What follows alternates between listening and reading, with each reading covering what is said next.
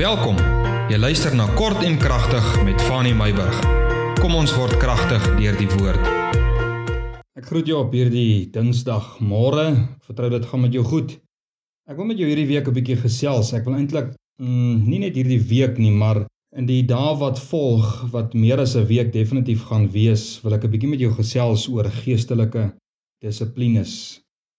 Vir vandag wil ek die skrif gebruik wat Paulus aan Timoteus geskryf het in 1 Timoteus 4 vers 7 waar hy vir hom gesê het in die ou Afrikaanse vertaling hy sê oefen jou in die godsaligheid maar die New American Standard Bible hy sê dit so 'n bietjie anders hy sê discipline yourself for the purpose of godliness. Discipline yourself for the purpose of godliness. Ek wil jou gesels oor geestelike dissiplines en dit gaan strek oor 'n tydperk maar ek wil dit as 'n groepstema wil ek dit doen en ek uh, ons gaan dit agter mekaar doen. Dit gaan agter mekaar volg. So selfs die Vrydag wat Engels is, gaan ons uh, een van die dissiplines hanteer. Vir hierdie reeks kort en kragtige dissiplines, geestelike dissiplines het ek die hulp nader getrek van 'n betroubare bron saam met die betroubaarste bron, die Bybel, om hierdie geestelike beginsels dan vas te maak. 'n boek wat ek so tyd terug gekoop het, baie waardevol wat spesifiek spreek oor geestelike dissiplines. Dit is deur Donald Whitney en uh, die boek se naam is Spiritual Disciplines for the Christian Life en daar haal hy 'n paar gedagtes aan en uh, ek gaan dit as basis gebruik en dan so um, uit die woord uit gaan ons dan kyk na hierdie dissiplines. Jy weet almal van ons lewe volgens sekere dissiplines en die handhawing of die versaking om dit nie na te kom nie maak ons suksesvol of dit maak ons onsuksesvol in die lewe. In die geestelike het ons ook dissiplines en is dit vir ons noodsaaklik dat ons op hierdie geestelike dissiplines sal agslaan. Jy weet in die sonnaarskool het ons 'n een eenvoudige liedjie gesing maar met soveel diepte en soveel waarde. En hierdie liedjie sê baie eenvoudig: Lees jou Bybel, bid elke dag en jy sal groei. Hierdie twee dinge is geestelike dissiplines wat ons geestelik laat groei. Maar dis net twee. Daar is baie ander geestelike dissiplines en waarna ons onder andere gaan kyk is na aanbidding, gesamentlike aanbidding en persoonlike aanbidding.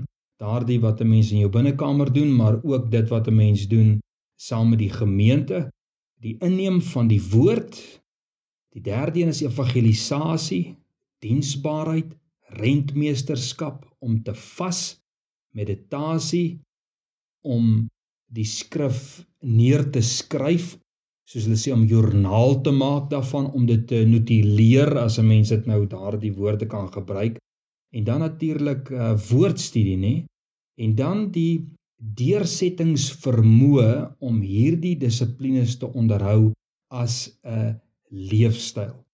En dan saam met vas natuurlik gaan ons na gebed ook kyk. Nou jy weet sommige van hierdie dinge het ons mos nou al deurgetrap, maar ek wil kortliks weer elkeen van hulle aanraak. So ons het baie gefokus op gebed.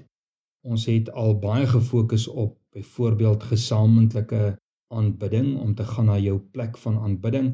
Ons het baie al gepraat oor woordstudie, maar ek gaan dit weer kortliks aanraak. Ek gaan basies niks herhaal van wat ek gesê het nie. Daar is soveel rykdom in die woord, maar ek wil dit as 'n eenheid doen. So ons gaan al hierdie dissiplines gaan ons reg agter mekaar gaan ons dit doen. So van môre af gaan ons begin met aanbidding, gesamentlike en persoonlike aanbidding.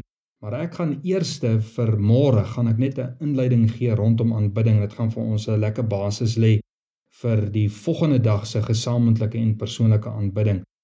En dan daardeur glo ek gaan die Here vir ons regtig wysheid en insig gee. Jy weet, ek het van 'n skrywer het ek gelees hy het geskryf 'n boek spesifiek rondom geestelike dissiplines en um, hy het gesê true spiritual self-discipline holds believers in bounds but never in bonds. Its effect is to enlarge, expand and to liberate. Jy weet geestelike dissiplines hou ons binne perke, maar dit verryk ons geestelik. Dit verbreed ons geestelike kennis en ons geestelike kapasiteit. Dit maak ons vry, vry van wat? Vry van verkeerde denkpatrone, gesindhede en daardie ingeperkte denkpatrone om maar net 'n paar van hulle te noem. Ons almal weet dat dissipline onsself en ons wêreld aan die gang hou. Dissipline maak dat jy jou wekker stel. Dit maak dat jy opstaan en aantrek, dat jy eet, dat jy oefen, dat jy werk toe gaan. Dissipline is die suksesmodel. Almal bereik niks wanneer hulle nie gedissiplineerd lewe nie. Jou geestelike lewe kan jy nie rompslomp lewe en hoop alles sal uitwerk en dat jy geestelik sal groei deur 'n rompslomp lewe te lewe nie. Geloof is nie rompslomp nie. Dis 'n gefokusde, gedissiplineerde begrip. Ons faal en ons voel ongemotiveerd in ons geestelike lewens omdat dit met rompslomp gepaard gaan. Jy moet met dieselfde dissipline die Here dien as wat jy werk toe gaan, jou sport beoefen of enige ander projek aanpak of hoe jy voorberei vir 'n eksamen. Wanneer ek sonder 'n gehoor uitsaai van die huis op Sondag of die woord met ander woorde dan nou aanlyn bedien, dan verwag ek van elkeen wat daar kom sit om nie meer met hulle slaapklere te kom of onbehoorlike drag of om in hulle kamers te sit en aanlyn die boodskap te luister nie. Nee, maar ek verwag van my kinders om op te staan, aan te trek, wakker te wees vir die woord. Dit was nie altyd so nie, maar daar het vir my 'n lig aangegaan. Daar is dissiplines wat ons suksesvol maak met die onderhouding daarvan. Jy sal vir my sê, maar wat maak dit saak? Wat maak dit saak? Laat die kind kom met sy slaapklere, laat die kind tog kom verder slaap daar. Nee, ek het nie meer babetjies nie. Ek het tieners in my huis en ek het groter as tieners in my huis. Dit maak vir my alles saak want dis dissipline. Dit is 'n gesindheid. Jy moet die slaap afskud om wakker te wees om die woord te hoor. Geestelike dissipline moet ons net mooi begryp en verstaan dat dit nie wetisme is nie. Dit is nie jy moet omdat dit 'n wet is nie, maar jy moet omdat dit dissiplines is waarvolgens jy moet lewe om 'n godsvrugtige lewe te lewe. So Paulus sê ek kastei my liggaam. Hy sê ek oefen my liggaam. Ek onthou myself van sekere plesiere en van sekere kosse. Dit is nie wetisme om so te doen nie maar dit is tog dissipline en tog ook in aanhalingstekens wette wat die atleet suksesvol gaan maak. Ons kan maar in 'n mate sê wat ons wil, maar daar is meer stabiliteite in huise, in skole, in regerings waar daar tog dissipline is. Ek dink jy stem met my saam. Daar waar wette is, duidelike riglyne waar volgens elke individu moet wandel.